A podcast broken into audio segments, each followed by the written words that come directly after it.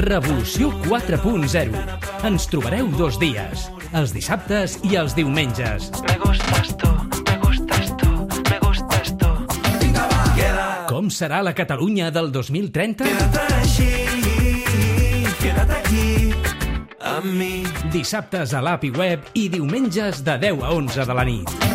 Queda't. A Ogilvy Barcelona revolucionem la comunicació ajudant les empreses a fer créixer els seus negocis i a crear marques líders, marques conscients, respectuoses amb la societat i el planeta. I ho fem integrant creativitat, estratègia, data i tecnologia. Per això els anunciants ens han escollit com l'agència número 1 de Barcelona. Revoluciona't amb Ogilvy.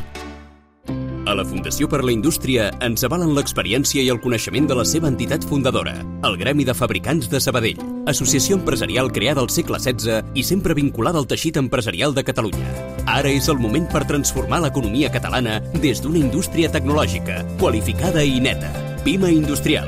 Fes el pas a la indústria 4.0. Des de la Fundació per la Indústria t'hi acompanyem.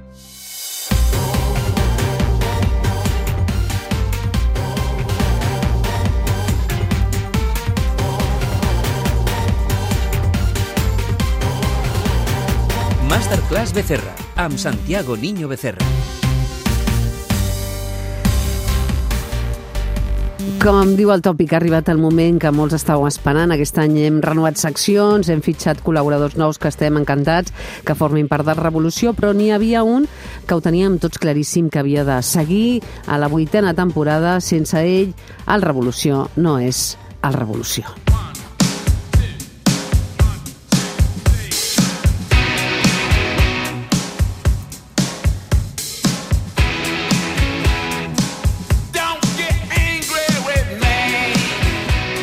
Santiago Niño Becerra, què tal? Com estàs? Quines ganes de saludar-te.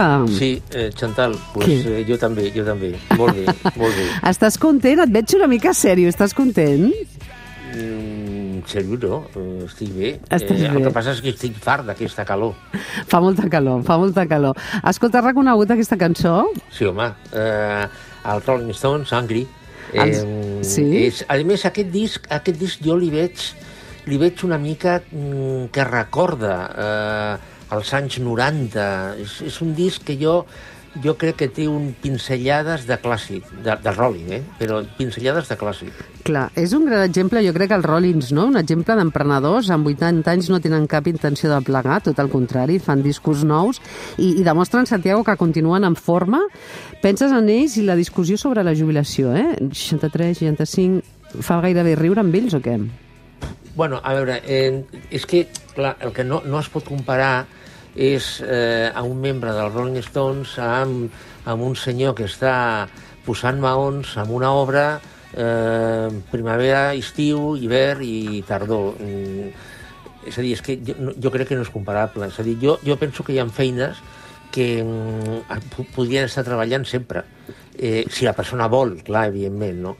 Eh, hi ha persones que mm, no per al desgast que té la, que té la, pro- la, la pròpia feina, no? Clar. És a dir, això depèn... mm, Si, si els, els membres dels Rolling Stones pensen que eh, o creuen que estan en una situació correcta física, mentalment i tal, doncs, em sembla fantàstic que continuï. Santiago Niño Becerra, també et veus com els Stones, al peu del canó, el que faci falta, sí? Bueno, el que faci falta no ho sé, és a dir, jo, jo home, clar, és a dir, a veure, jo mentre estigui bé i tingui il·lusió i tingui ganes i tal, i, i tingui programes com el teu tan bo, etc etc, doncs, eh, Que és maco. evidentment, evidentment jo continuaré, clar que sí. Jo també amb tu. Santiago, la primera pregunta, va, anem al gra, que deuen pensar els oients. És obligada, ara que ja tenim dades de moltes coses, es pot dir que ha estat un bon estiu econòmicament parlant, sí?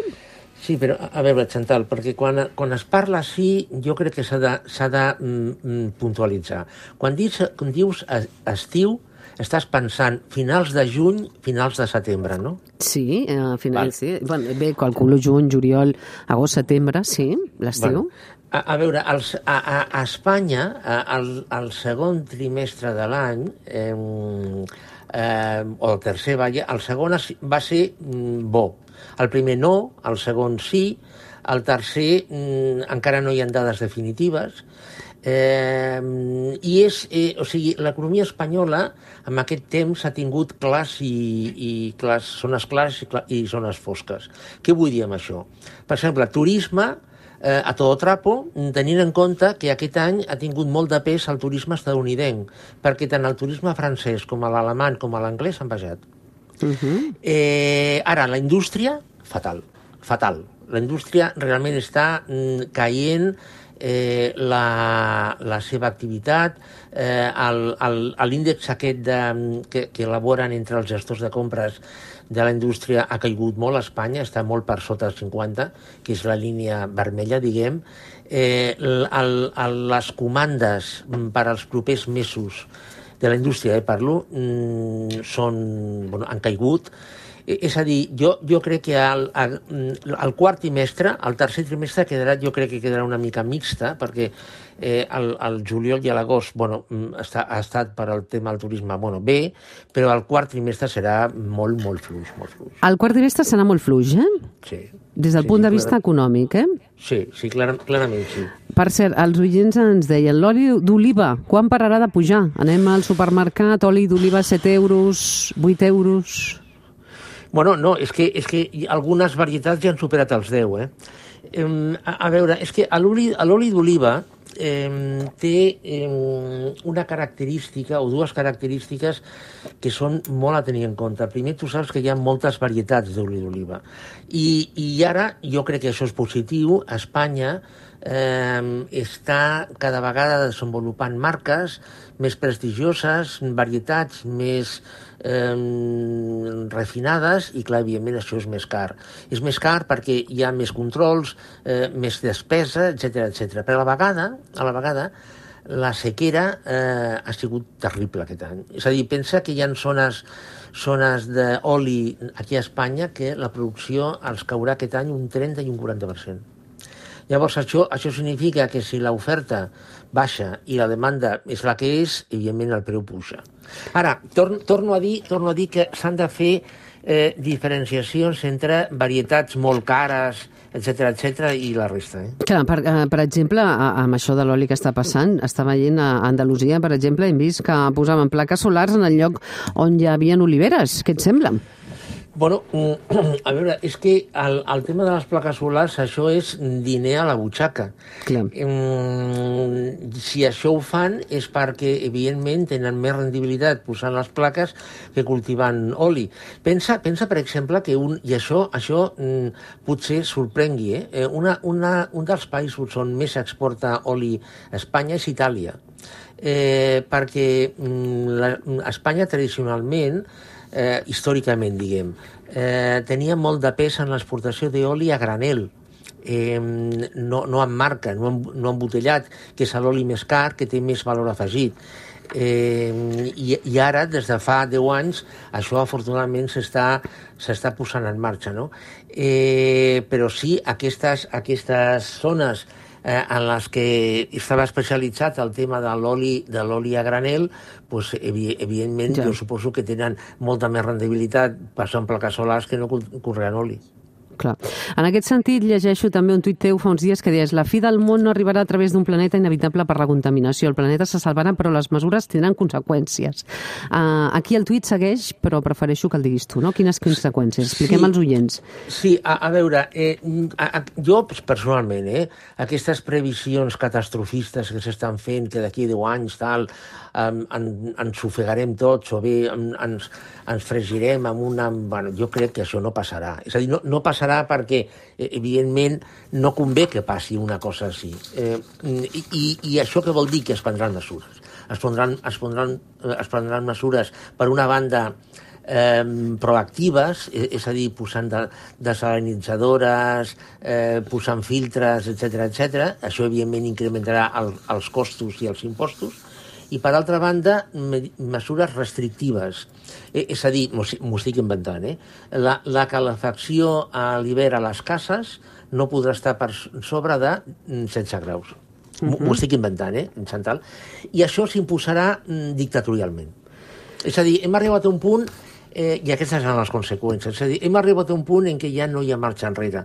És a dir, mm, he- hem arribat a un punt en, en el que eh, o, a- o posem en marxa una sèrie de mesures Clar. que, evidentment, són dures i que afecten el creixement i el benestar, o, o, o ens anirem a la, a la merda. I com, evidentment, això no, no pot passar, no ha de passar, i a ningú li convé que passi, no passarà, Clar. però tindrà conseqüències. Preu habitacions. Jugar una habitació a l'estat espanyol costa mitjana 445 euros al mes, un 73% més que fa 8 anys. Els salaris han pujat en aquest temps un 73%, ens preguntem, i aquesta xifra és una mitjana perquè Catalunya encara és més car, oi que sí? En concret, a Barcelona és la ciutat més cara de l'estat espanyol en el preu de les habitacions de lloguer. 590 euros una habitació, Santiago. Sí, a veure, tu, tu has donat una dada, deixa'm a, a, a mi que doni una altra. Tu has dit que mm, eh, amb aquests 8 anys els salaris han pujat, el, 70, ai, el, el preu, el lloguer ha pujat un 73%. En aquest temps, en aquests 8 anys, els salaris, en termes reals, no, no han pujat, han baixat al 16%.